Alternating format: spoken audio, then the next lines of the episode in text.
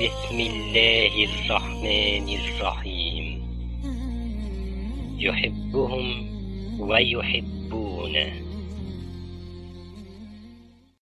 الرجل الفاسد سواء كان مرتشي أو حرامي أو منحل أخلاقيا أكتر حاجة بتنكد عليه عيشته هي إنه يشوف راجل تاني شريف أو ملتزم أخلاقيا.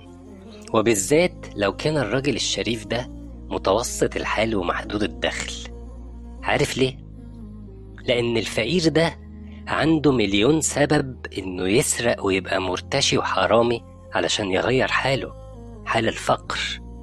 لكن دينه وأخلاقياته ومبادئه بتمنعه إنه يختار الحرام ويمشي في سكته. وبالتالي هو راجل قوي إيمانيا وأخلاقيا. والقوة دي بتشعر هذا المرتشي قد إيه هو ضعيف وفاسد. أنا عاوزك تركز معايا قوي في المثل ده لأنه بيحكم وبيتحكم في أحداث كتير قوي بتحصل حواليك وبتأثر عليك كمسلم في العالم النهاردة. فنتيجة الإحساس ده هو إن الفاسد دايما أينما وجد مع واحد تاني شريف هتلاقيه بيلجأ لحل من تلاتة. إما إنه يفضل يضغط على الراجل الشريف ده ويغريه بالحرام لحد ما يخليه فاسد زيه علشان يريح ضميره وما يبقاش حاسس بضعفه وعجزه قدام الراجل الشريف ده وقدام نفسه.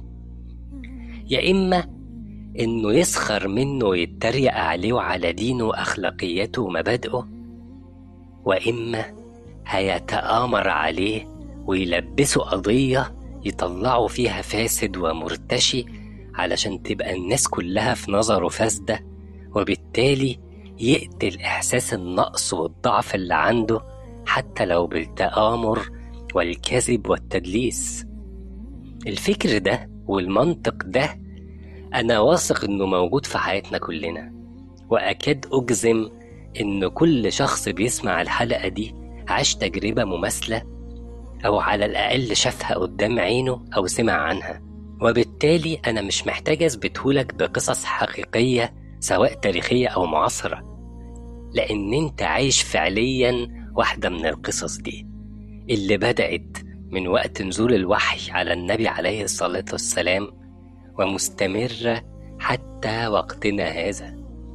القصة اللي ابتدت من اللحظة اللي نزلت فيها آيات على الرسول عليه الصلاة والسلام بتقول وإلهكم إله واحد لا إله إلا هو الرحمن الرحيم.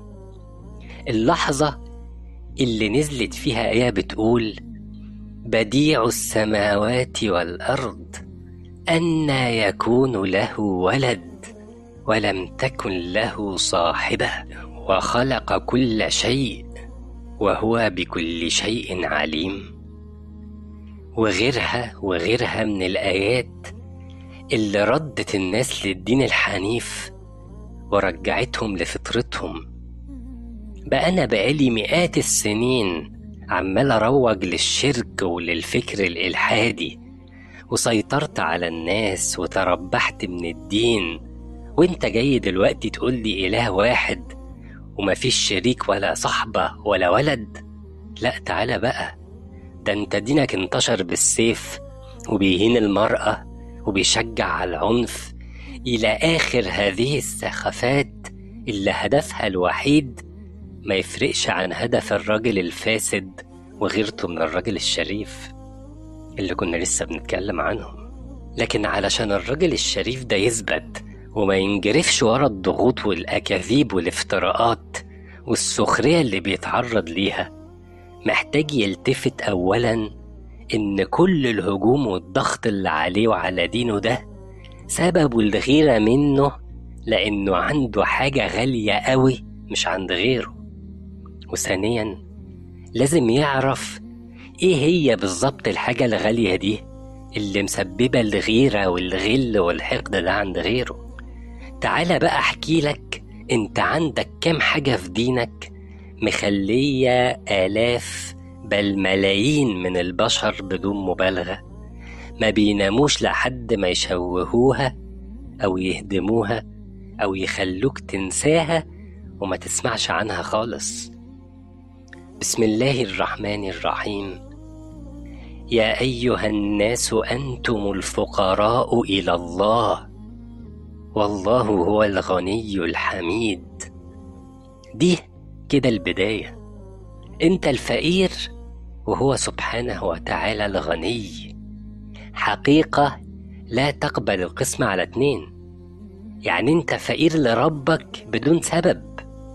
انت مولود كده فقير ليه سبحانه وتعالى. وهو الغني سبحانه وبرضه بدون أسباب للغنى ده. هو أصلا الغني. ما هو أصل أنت لو كان في أسباب معينة لفقرك ده فلوس مثلا ولا مرض كان زمانك دورت على غيره علشان يديك فلوس أو يعالجك. لكن الموضوع مش كده أصلا.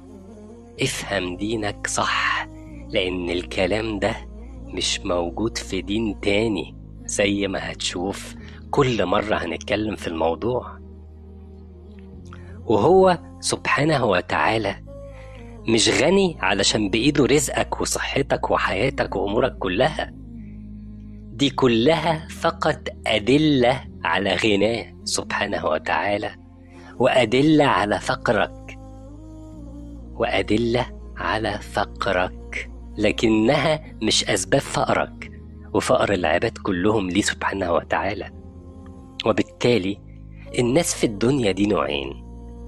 نوع فقير لله غصب عنه. لكنه مسكين مش داري ولا مدرك أصلا مدى فقره ومدى غنى ربه سبحانه وتعالى. وإلا ما كانش ينكره أو يشرك بيه أو يحاول يشوه ويهدم دينه. والنوع التاني عرف ربه سبحانه وتعالى وعرف نفسه. وبالتالي فقره كان اختياري. يؤجر عليه إن شاء الله وينجو بيه بإذن الله يوم القيامة. أنت بقى عاوز إيه؟ أنا أجزم لك إن أعداء الدين كلهم من النوع الأول وإنهم عاوزينك معاهم هناك علشان نغرق كلنا سوا علشان كلنا نضيع سوا علشان ما يضيعش هو لوحده. وللحديث بإذن الله بقية. فاللهم لك الحمد على نعمة الإسلام وكفى بها نعمة. رب اغفر وارحم وأنت خير الراحمين.